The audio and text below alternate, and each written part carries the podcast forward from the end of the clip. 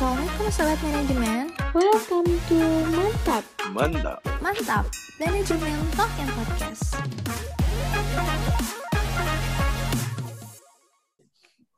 Halo Sobat Manajemen, selamat pagi, siang, sore, atau malam. Balik lagi nih sama aku, Panji Permana, di podcast Mantap yang ke-15. Tapi aku nggak sendiri di sini. Aku ada teman baru yang bakal nemenin kalian dari awal sampai akhir. Aku akan ditemenin sama...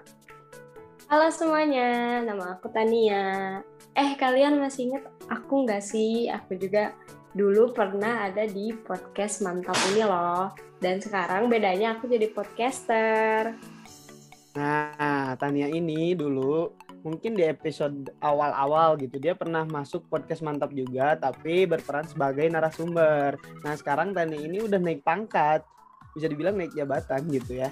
Dia awalnya dari narasumber sekarang bisa jadi podcaster. Aduh bener banget nih Eh, eh BTW gimana nih kabarnya Panji? Alhamdulillah dong. Kalau aku sakit masa aku bisa podcast. Oh, Kalau iya. Tania sendiri gimana? Alhamdulillah aku masih sehat walafiat Nah ngomong-ngomong nih karena sekarang lagi UTS ya kalau nggak salah ya. Iya bener banget Ji Nah, UTS kita sekarang masuk UTS yang ketiga di masa pandemi ini. Nah, kamu sendiri UTS-nya gimana nih, Tan? Aduh, kalau aku sendiri sih UTS-UTS-nya kayak ada sedikit eh, kendala sih. Ya kendalanya susah gitu. Kalau untuk yang lainnya lancar sih. Kalau kamu Ya. gimana nih, Ji? Ya, alhamdulillah lah ya, walaupun UTS-nya kita masih tetap online, gimana caranya kita harus bisa ngerjain UTS ini sendiri. Walaupun kita nggak diawasin sama dosen, kita kan di sini bisa melatih kejujuran kita juga gitu.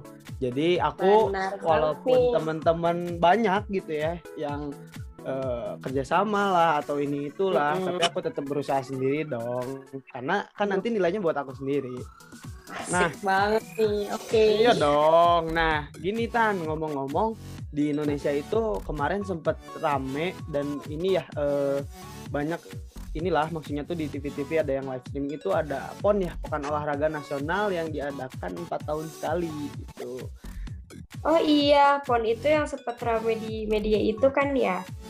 Iya nih, aku juga suka nonton tuh, apalagi cabur bulu tangkis sama basket. Dan yang juara umumnya Jawa Barat, iya Ji. Nah, betul banget. Alhamdulillah gitu ya provinsi kita Jawa Barat bisa meraih medali terbanyak gitu. Kalau nggak salah tuh Wah. dengan mengoleksi 133 medali emas, 97 medali perak dan 114 medali perunggu. Wah, keren banget ya. Dan dengar-dengar ada anak manajemen yang ikutan PON itu kan? Iya, betul banget. Ada sobat manajemen temen kita yang berkesempatan ikut PON mewakilkan nama Jawa Barat. Yang kalau nggak salah tuh dia di cabang olahraga selam gitu. Namanya tuh Kendra Alisa. Wah, keren banget. Jadi kepo nggak sih sama orangnya, Ji? Nah, karena itu mending kita langsung un- undang aja biar kita bisa sharing, kita bisa tanya-tanya gimana pengalaman dia di PON dan awal mula dia mendalami cabang olahraga tersebut. Daripada lama-lama, mending kita langsung panggil orangnya aja. Halo Kendra. Halo, Hai Kendra, gimana nih kabarnya? alhamdulillah baik. Wah, keren banget nih Kendra bisa masuk PON itu mungkin ya dari dari kita boleh nggak sih dari kita ini nanya-nanya dulu gitu, nanya-nanya terkait kenapa kamu bisa masuk PON, di PON itu kayak gimana dan awal mula kamu eh, masuk ke dunia selam ini kayak gimana itu boleh nggak sih? Boleh, boleh. Boleh banget dong. Kalau nggak boleh kan nggak mungkin Kendra ada di sini. iya. Nah langsung aja ya eh, dari aku penasaran banget gitu dari Kendra ini awal mula Kendra masuk atau bisa mendalami cabang olahraga selam itu kayak gimana? Tapi sebelum ke situ kayaknya aku pengen nanya dulu selam itu olahraga yang kayak gimana sih? Eh, iya, jadi eh, selam itu sama kayak renang sebenarnya, sama-sama di kolam, ada juga yang di laut.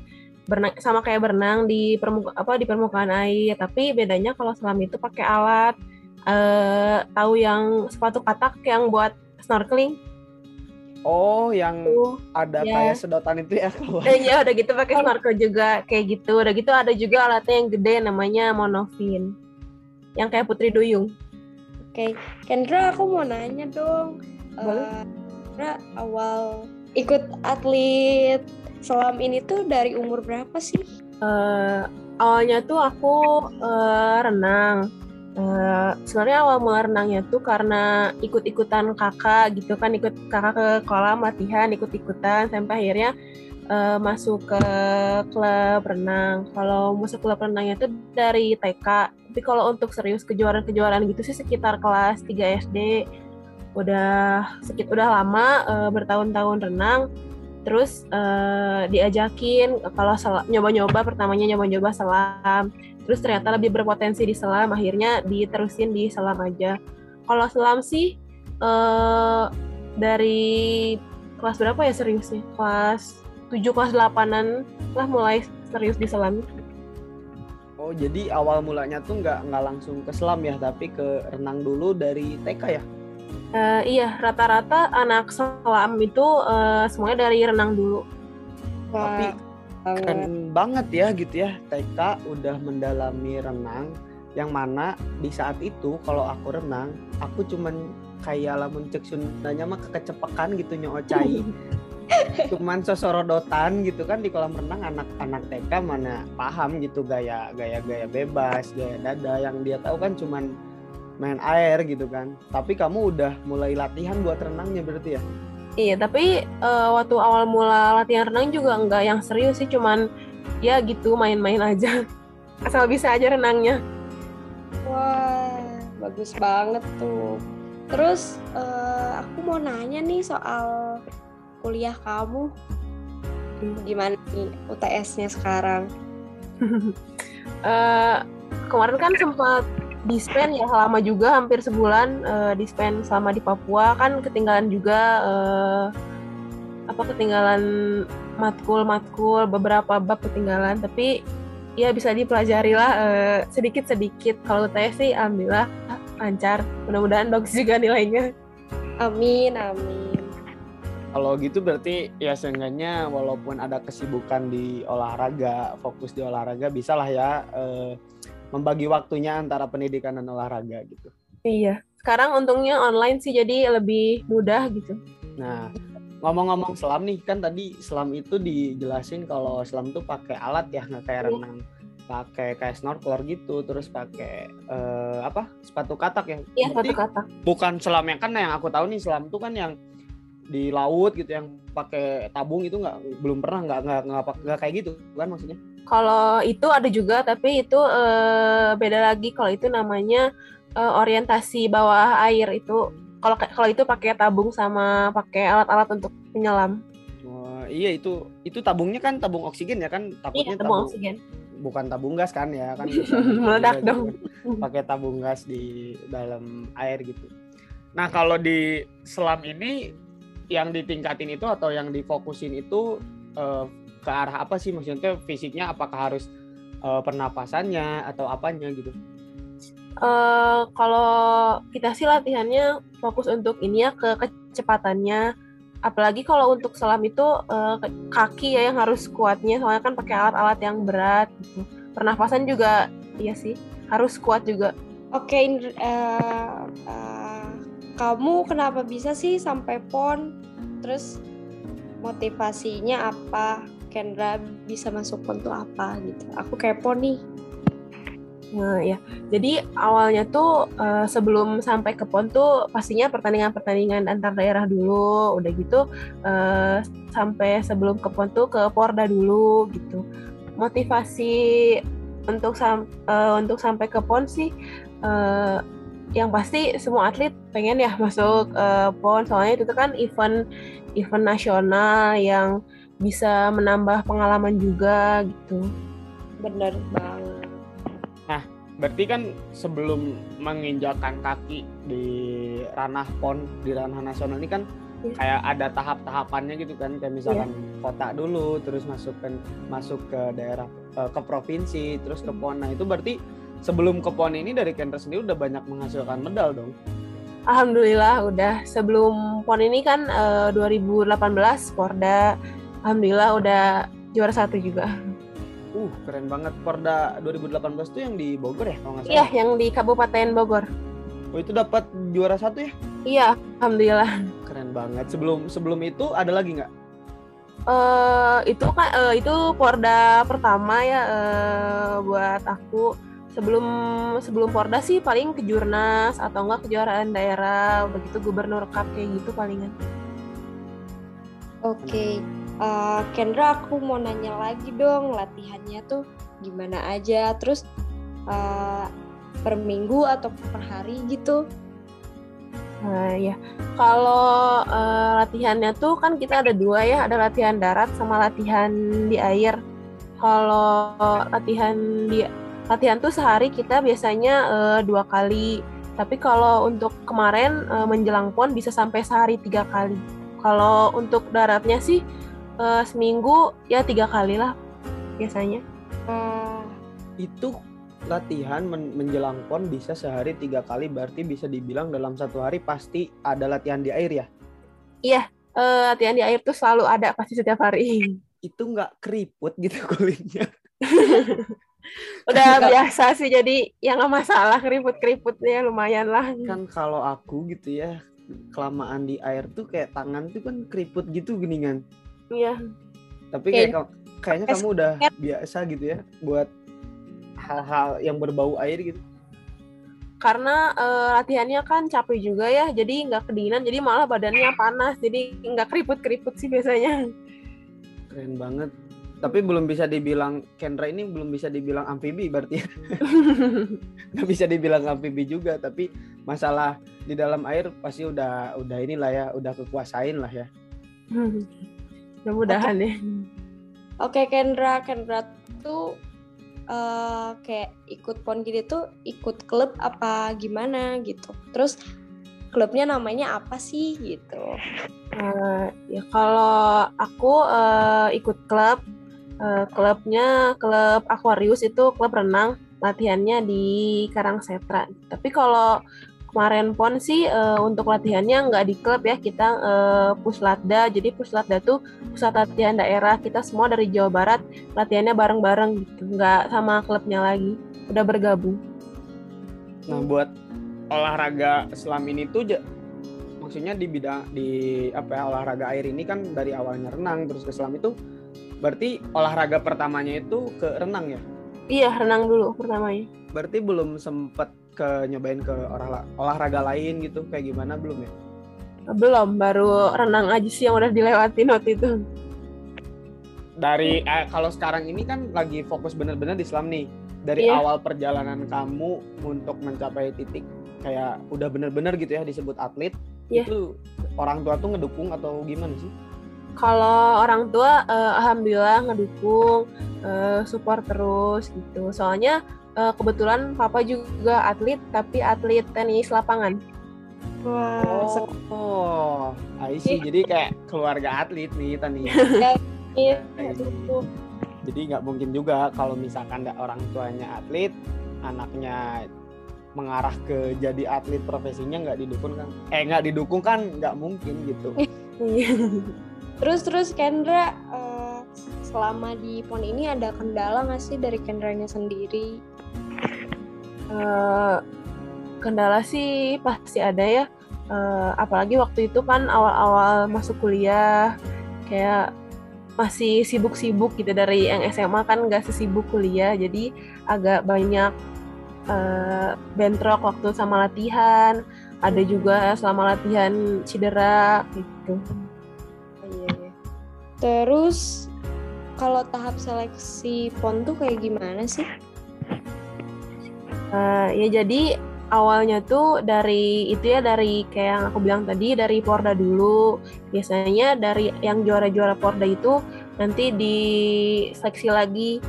Eh, biasanya seleksinya tuh se- antara setahun sekali sampai setahun dua kali untuk melihat perubahan eh, apakah ini makin meningkat atau malah makin jadi menurun. gitu. Oke oke. nah eh, berarti kan eh, dari tahapan sampai ke titik pon ini kan kayak misalkan dari klub dari klub terus disaring lagi buat mewakilkan kota Bandung Iya. dari kota Bandung mewakilkan lagi Jawa Barat itu berarti menjadi tahapan yang panjang ya Iya, itu sih sistemnya itu kayak gimana maksudnya dari klub itu eh, kita yang mengajukan diri untuk seleksi atau emang dilirik dari apa ya bisa dibilang dari keluarga itu atau apa ya forum bisa dibilang apa sih disebutnya kalau selam itu kenapa? kalau selam itu apa sih kalau kalau kalau kayak sepak bola kan ada PSSI-nya gitu kalau selam itu apa Kalau selam itu eh, posi. Nah, itu maksudnya tuh buat sampai ke ranah kita ranah bisa mewakilkan Kota Bandung terus mewakilkan Jawa Barat itu kita yang ikut seleksi atau dari posisinya sendiri yang ngelihat nih oh ini punya bakat nih kita kita ambil deh jadi atlet atau gimana Eh, kalau awal-awalnya sih tentu kita ya yang ngajuin diri, ngajuin diri itu dengan cara kita ikut pertandingan-pertandingan. Kalau kita juara tuh eh, pasti nanti dari si posisinya tuh di ini eh, dipanggil untuk ke tahap yang selanjutnya gitu, mewakili daerah dan lain-lain.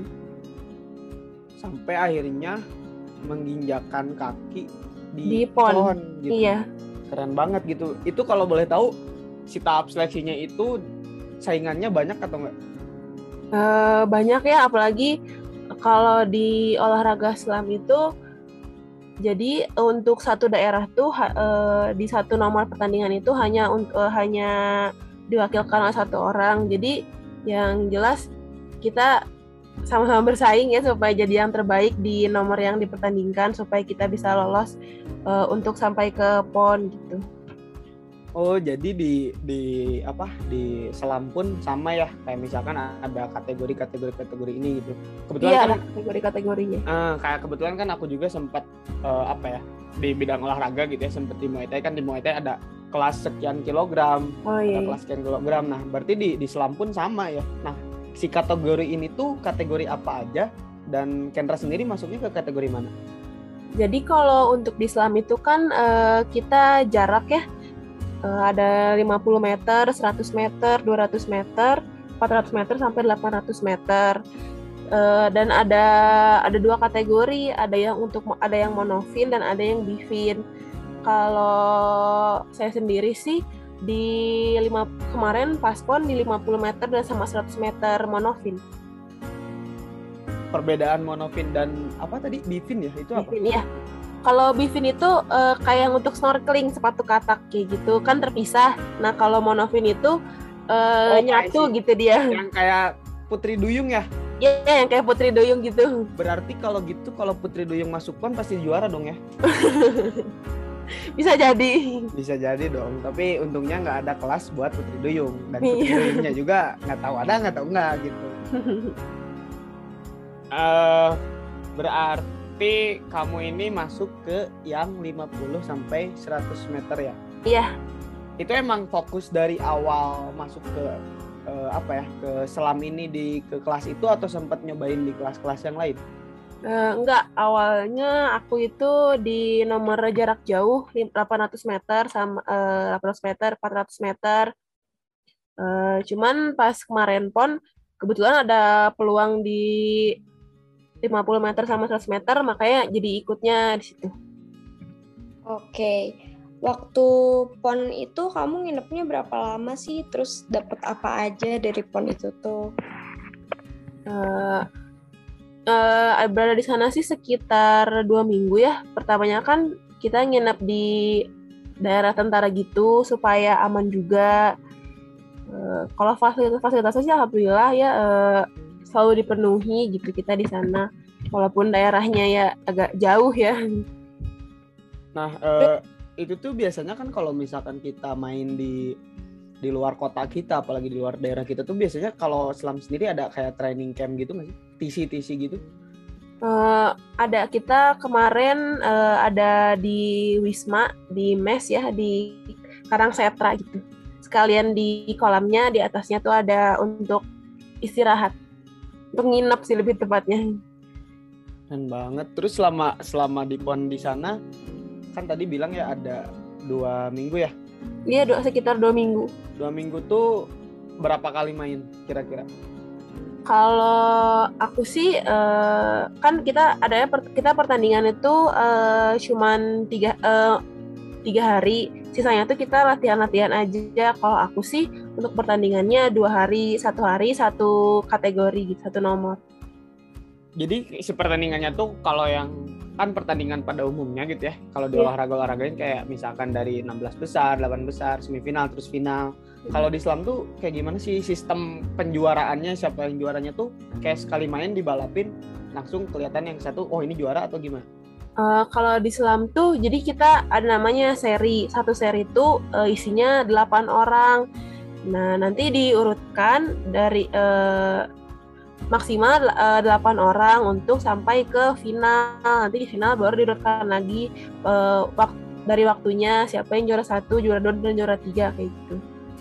Oke, Kendra, aku mau tanya nih, kalau di Papua suasananya kayak gimana sih selama kamu pon di sana? Hmm, iya.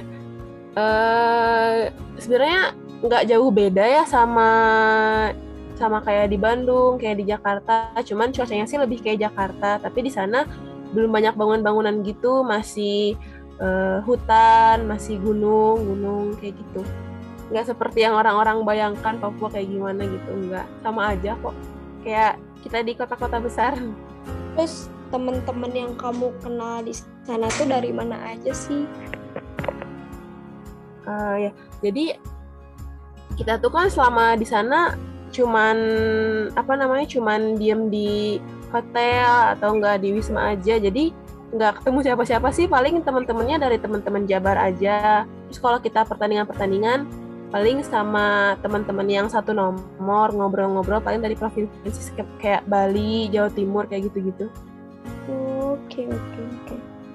Nah, eh, ini kan kalau pertandingan berarti kan sebelum pon ini dari Kenta kan pasti banyak gitu ya pertandingan-pertandingan yang udah dilalui gitu. Iya. Yang paling jauh sebelum ke Papua itu pernah ke mana? eh paling jauh sih sejauh ini Papua ya Paling jauh Papua. paling jauh Tapi sebelum Papua ke Papua, kenapa sebelum ke Papua itu yang paling jauh di mana? Paling jauh sih eh, masih di Pulau Jawa ya, masih di Jawa Timur di Surabaya. Di Surabaya itu mewakilkan kota Bandung atau udah mewakilkan Jawa Barat? Jawa Barat. Soalnya itu eh, kejuaraan nasional, jadi bawanya Jawa Barat. Oh iya ya ngerti. Jadi kalau pon itu kan yang eh, kejuaraan nasional, tapi hampir semua olahraga ada. Tapi kalau di Iya. selam juga ada kejuara kejuaraan nasional yang buat selam doang berarti kan? Iya, Keren banget. Berarti bisa dibilang Kenre ini dari selam deh. Kita bisa bilang udah banyak menghasilkan sesuatu lah dari selam ini gitu. alhamdulillah ya. Bisa dong di spill dikit gitu udah dapat apa aja gitu selama dari awal perjalanan sebagai atlet selam Ya. sampai sekarang itu dapat apa aja. Eh, kalau detailnya sih eh, nggak bisa disebutin ya, tapi kalau untuk kebutuhan diri sendiri, untuk bayar-bayar kuliah sih, alhamdulillah udah bisa ya. Keren banget dong. Ini teman-teman sobat manajemen nih, ini harus banget dicontoh kakak Kendra ini gitu. Keren banget dari hobi menjadi profesi dan bisa menghasilkan bahkan bisa bayar kuliah sendiri betul nggak? Iya, betul. Terus eh, kamu sendiri dari kesibukannya eh, sebagai eh, sebagai atlet gitu ya atlet selam fokus Ya. ke pon kemarin sempat fokus ke pon dan pasti punya target-target jangka panjang. Sedangkan kamu dibenturkan juga dengan pendidikan yaitu dengan kuliah kamu. Iya. Nah kamu sendiri cara bagi waktu antara latihan dan juga kuliah itu kayak gimana? Kalau untuk saat ini kan eh, kuliahnya masih online ya, jadi kebetulan eh, lebih gampang gitu untuk eh, kuliah me- apa sih menyeimbangkan kuliah sama latihan. Kalau misalkan ada latihan yang bentrok dengan kuliah pun, zoomnya bisa di di record untuk didengarkan lagi nanti supaya bisa belajar gitu. Tapi kalau eh, eh, nanti kuliah sudah tatap muka sih kayaknya bakal diusahakan supaya digeser-geser jamnya, jam kuliahnya disesuaikan sama jam latihan. Oke. Eh, Kendra, kalau udah sampai pon nih, ada niatan ikut perlombaan apa lagi nggak selain ini gitu? Se- yang paling dekat sih sesudah pon itu eh, Porda ya tahun 2020 tahun depan 2022. Wah hebat banget nih. Tapi eh Kendra kan Ya. setiap atlet punya apa ya punya target masing-masing lah ya. Iya. Apalagi dengan setiap cabang olahraga tuh pasti ada sampai ke kejuaraan ke luar negerinya bahkan sampai ke olimpiade nah kamu sendiri punya nggak sih target atau mimpi sampai ke arah sana gitu Eh, cita-cita sih ada ya pengen sampai ke Olimpiade. Dan berharap juga semoga di Olimpiade ada cabang olahraga selam. Soalnya biasanya kalau di kejuaraan-kejuaraan dunia gitu jarang ada cabang olahraga selam. Paling yang kalau saat ini sih yang selalu ada biasanya ada di SEA Games. Oh sampai ke ranah dunia tuh selam tuh belum ada ya berarti? Biasanya sih eh, kalau Olimpiade kemarin belum ada yang selam. Padahal maksudnya tuh di selam ini kan banyak potensi gitu ya dari tiap tiap daerah. Bahkan nantinya kalau ke tiap udah sampai ranah dunia itu dari tiap negaranya tuh kan pasti punya banyak potensi ya buat di olahraga selam. Tapi ternyata di olimpiade sendiri belum sampai belum ada gitu ya olahraga selam. Ya soalnya eh, nggak semua negara punya atlet selam sih, soalnya selam belum belum menyebar rata gitu kayak renang. Jadi paling daerah-daerah tertentu aja yang punya eh, atlet selam gitu, kayak Ukraina gitu. Kalau kayak Amerika kayak gitu sih belum ya kayaknya. Hmm, nah kalau balik lagi nih ya kita ke pembahasan pon yang tadi. Iya. Eh, kamu sendiri mungkin aku tadi belum nanya ya. Kamu sendiri di pon itu eh, dapat medal atau enggak sih? Eh, enggak, yang pon kemarin eh, peringkat peringkat keempat. Tipis banget ya padahal ketiga itu dapat perunggu kan ya. Iya, ketiga itu perunggu, tapi Ya, tapi Masih alhamdulillah keempat. Alhamdulillah ya maksudnya dengan dapat kesempatan bisa masuk pon aja kan udah udah menjadi suatu kebanggaan gitu. betul betul. Kan bisa aja mungkin nanti bisa dijadikan suatu bahan pembelajaran ya dari pon ini. Oh, berarti harus lebih giat lagi atau harus kayak gimana lagi. Iya betul. Buat pengalaman sih lebih tepat. Ah, betul. Kalau di selam sendiri gitu ya, di pon itu yang paling maksudnya tuh yang berpotensi itu dari daerah mana? Yang kemarin Dari- kita alamin? dari Jawa Timur sih yang lebih lebih apa ya lebih selalu gitu dari tahun-tahun sebelumnya selalu mereka biasanya yang juara-juara gitu dari selam juara umum. Oke. Kendra, terus kalau misalnya di selam ini kebanyakannya eh, cowok apa cewek sih yang kamu tahu gitu? Eh kalau cewek sama cowok sih eh, sama aja ya. Nggak banyak cewek banyak cowok sama aja cewek cowok sama rata. Terus apa sih motivasi kamu gitu uh, bisa sampai sejauh ini gitu? Udah sampai di titik kamu tuh udah masuk pon gitu. Apa sih motivasi kamu bisa sampai kayak gini gitu? Eh, yang jelas sih pengen ini ya pengen ngebanggain orang tua gitu. Kayak kalau anaknya bisa sampai sini gitu. Amin. Tapi sih kalau udah di kalau aku lihat sekarang sih orang tua mana yang nggak bangga gitu ya ketika melihat anaknya bertanding sudah mewakilkan nama provinsinya sendiri Jawa Barat dan bahkan walaupun akhirnya hanya duduk di peringkat 4 tapi Jawa Baratnya sendiri kan menjadi juara umum ya kalau nggak salah kan Iya juara umum. nah apalagi mungkin nanti di kemudian hari Kendranya sendiri bisa akhirnya mendapat medali lah Amin, bisa ya sampai- amin. sampai emas lah Amin. soalnya kan nggak ada mbak jadi harus emas gitu. nah aku pengen tahu ini deh eh, apa ya lebih ke pertemanan di antara atlet itu atau keluarga si atlet itu sendiri baik di di Jawa Baratnya gitu ya di keluarga atlet Jawa Barat di Islamnya dengan atlet-atlet luar kotanya bahkan luar provinsi yang mana itu kan menjadi lawan ya. Nah itu kayak gimana sih?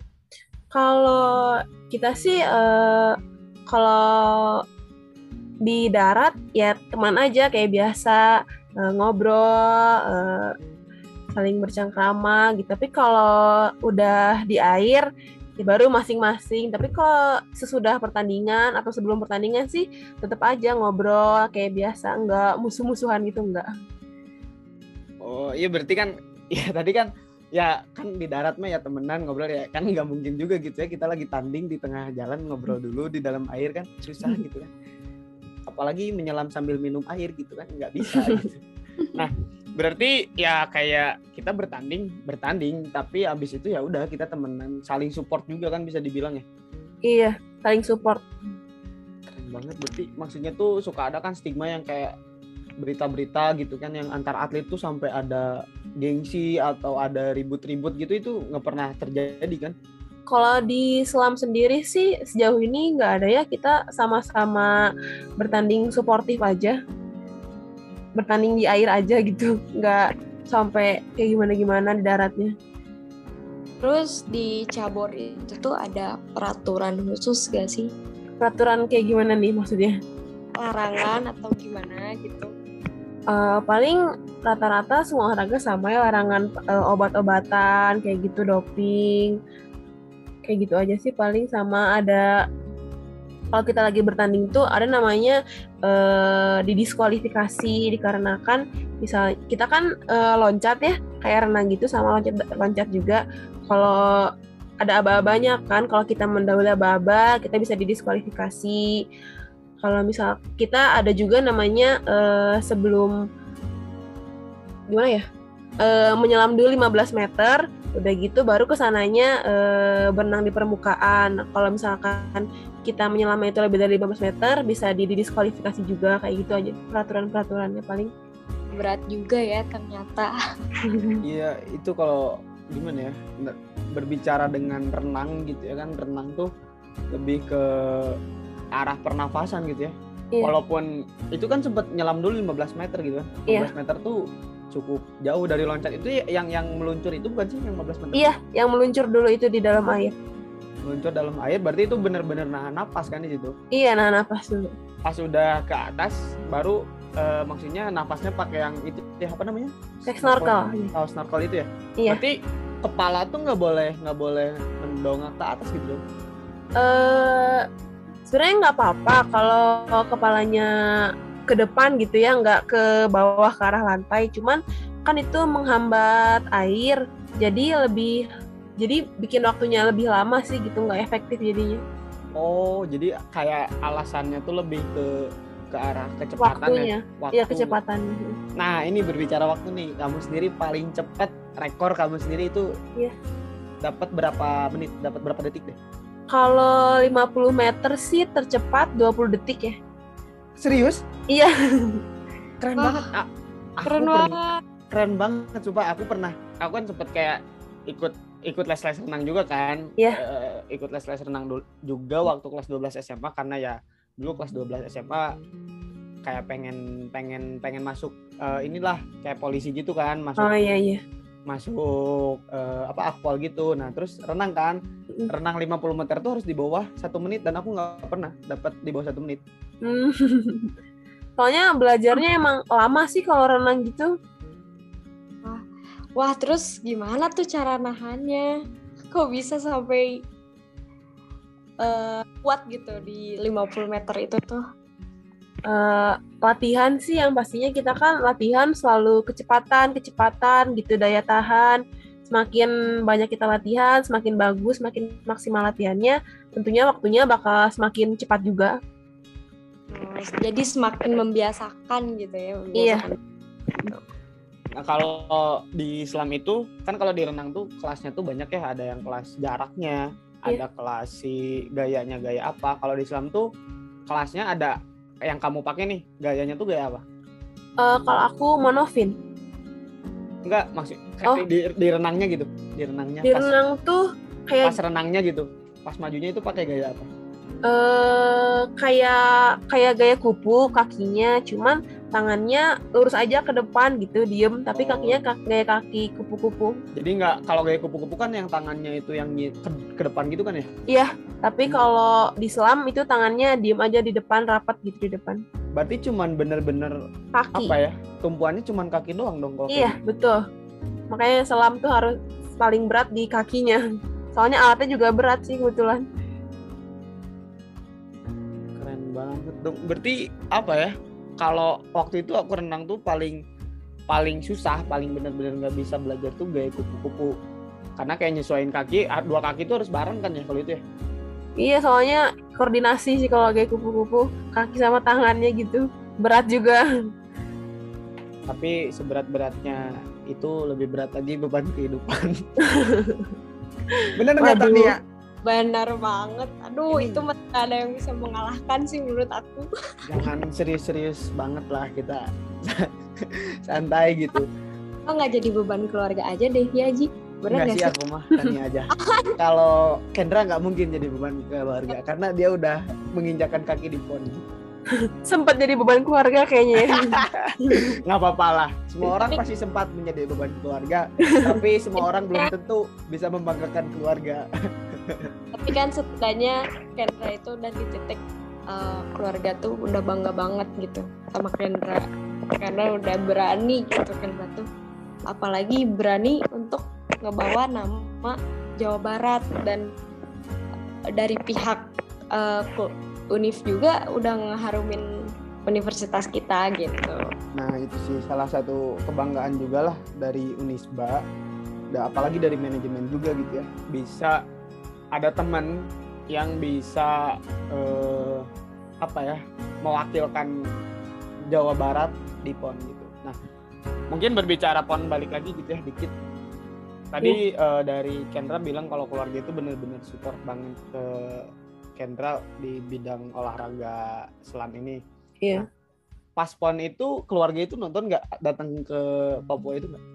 Enggak, kalau keluarga sih nonton dari live aja sih kan di Instagram ada ya yang live-nya gitu Jawa Olahraga Selam. Soalnya agak susah juga sih kalau ke sana keluarga kan jauh gitu takutnya gimana gimana gitu nanti di sananya takut repot nanti makanya sendiri aja ke sananya sama teman-teman dari Jawa Barat orang tua sih enggak Nah ya betul sih. Apalagi jauh gitu kan Jawa Barat Papua tuh berapa jam itu naik pesawatnya kalau nggak salah aku ke Papua tuh naik pesawatnya nggak sekali kalau nggak salah. Eh sekali cuman transit sih jadi lama itu transitnya Hmm, nah ini berbicara apa ya ditonton sama orang tua ketika bertanding nih. Kan ada aja gitu ya eh, anak atlet yang ditonton sama orang terdekat tuh malah gugup. Kak Cek Sunda nama gemper lah. Mm-mm. termasuk aku aku juga eh, waktu itu sempat di di Muay Thai tanding kalau ditonton tuh kayak malah gugup jadi Hmm. mending gak usah nonton mending eh, si mama teh tahu hasilnya weh Nah, Hmm. kalau kamu sendiri gimana Kalau aku sih dari kecil kan kebiasaan selalu ditonton sama mama sama papa. Jadi kalau ada mama sama papa sih lebih memotivasi gitu. Pengen pengen ngelihat mereka bangga makanya kalau ada keluar- apa ada orang tua jadi lebih lebih semangat gitu. Mantap sih itu Ji asli. tapi aku sebaliknya soalnya kayak kalau aku kan kayak gugup gitu wah ini harus harus harus kayak kayak ada beban wah ini harus menang nih Iya, temen aku juga ada yang kayak gitu yang nggak bisa ditonton sama orang tuanya katanya gugup juga. iya soalnya kayak nggak aneh lah atlet atlet ada yang kayak gitu banyak juga kan yang kayak gitu ya iya banyak yang kayak gitu. Terus tips kamu ngehilangin rasa gugup itu apalagi kan Nah, itu kalau bener ya. banget nggak ya kalau kata Kendra kan ka- nggak malu nih kalau sama orang terdekat kan sama orang-orang yang lain pasti malu lah ya kayak pelatih Nah, iya sama di- ditambah gini gitu kan ketika apalagi udah di udah di pon gitu kan. Kita Hmm, pas jalan aja mau ke venue gitu terus lihat lawan udah kayak gini tuh kayak ada rasa nervous atau gugup gak sih? ya Iya sih, pasti pasti gugup.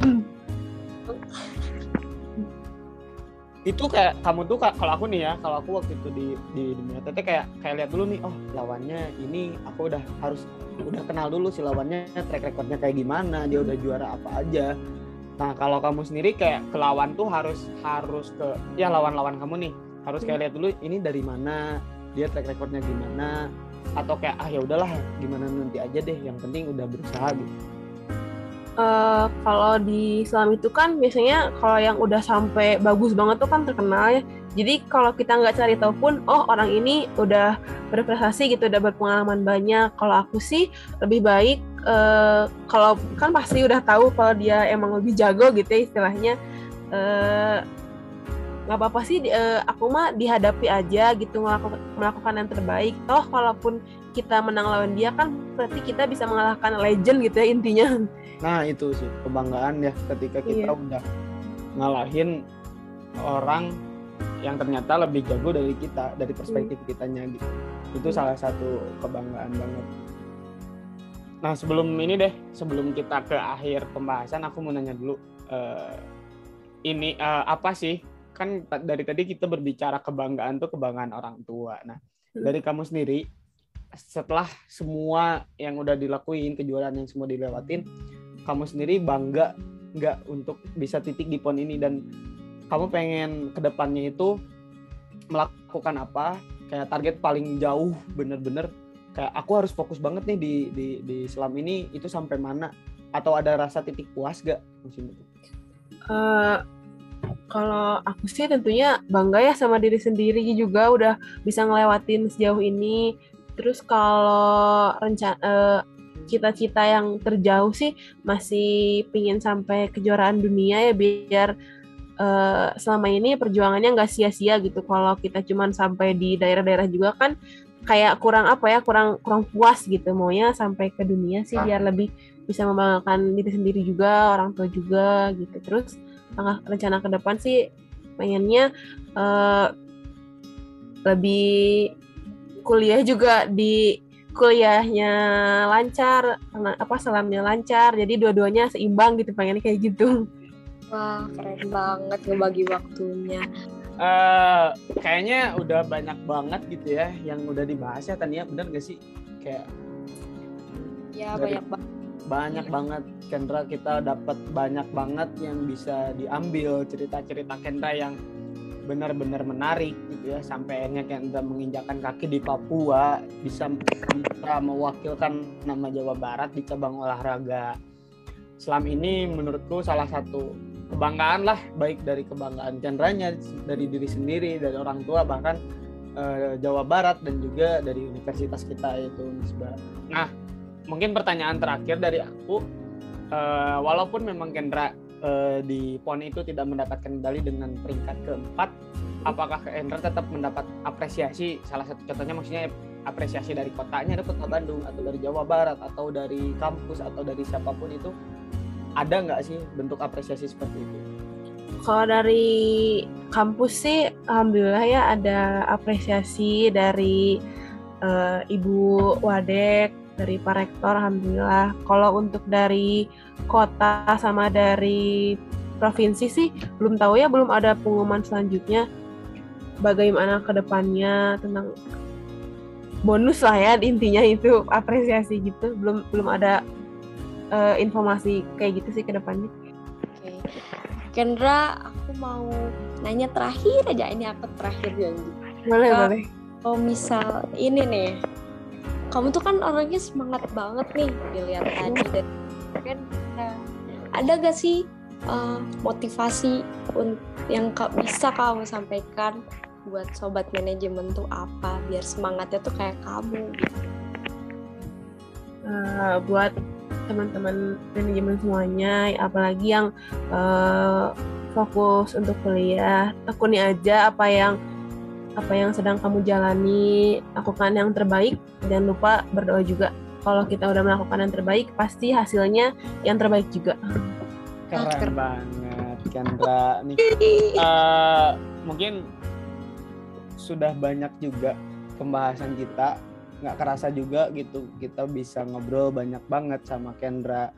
Eh, bisa banyak yang bisa diambil lah dari kita gitu. Dan mungkin semua cerita ini bisa diterapkan juga diimplementasikan juga sama teman-teman pendengar sama sobat manajemen ini. Bahwasanya apa yang kita mau tuh harus diusahakan gitu ya Kendra ya? Iya betul banget. Nah, jadi kita lakukan dulu aja yang terbaik. Mau apa pun bidang yang kalian tekuni, kalian harus melakukan yang terbaik, harus berusaha karena patah juga bilang gitu, ada yang bilang ya eh, proses tidak akan mengkhianati hasil gitu. betul betul banget Nah, itu kalau dari aku kayaknya udah cukup juga deh buat eh, tanya-tanya atau sharing dengan Kendra ini. Aku aku sih mengucapkan terima kasih banyak ke Kendra bisa hadir di podcast mantap ini di episode ke-15 ini. Dari aku sih cukup. Dari Tania gimana? Dari aku nih untuk Kendra, terima kasih ya untuk bisa masuk ke podcast ini dan nemenin kita ngobrol-ngobrol bareng dan tetap semangat sama pon kamu dan ke depannya dan sekali lagi selamat buat ponnya. Ya terima kasih juga. Iya, oke deh. Kalau gitu kita langsung tutup aja ya. Eh, dari aku eh, Panji Permana selaku podcaster dari Mantap episode 15 pamit undur diri. Mohon maaf bila ada kesalahan dalam pengucapan. Dari aku Tania Nabila sebagai podcaster mantap episode kali ini. Maaf juga jika ada kesalahan. Oke, sekian dari kami berdua. Aku juga ucapin terima kasih banyak ke Kendra udah hadir. Sampai berjumpa di episode mantap berikutnya ya. Dadah. Wassalamualaikum warahmatullahi wabarakatuh.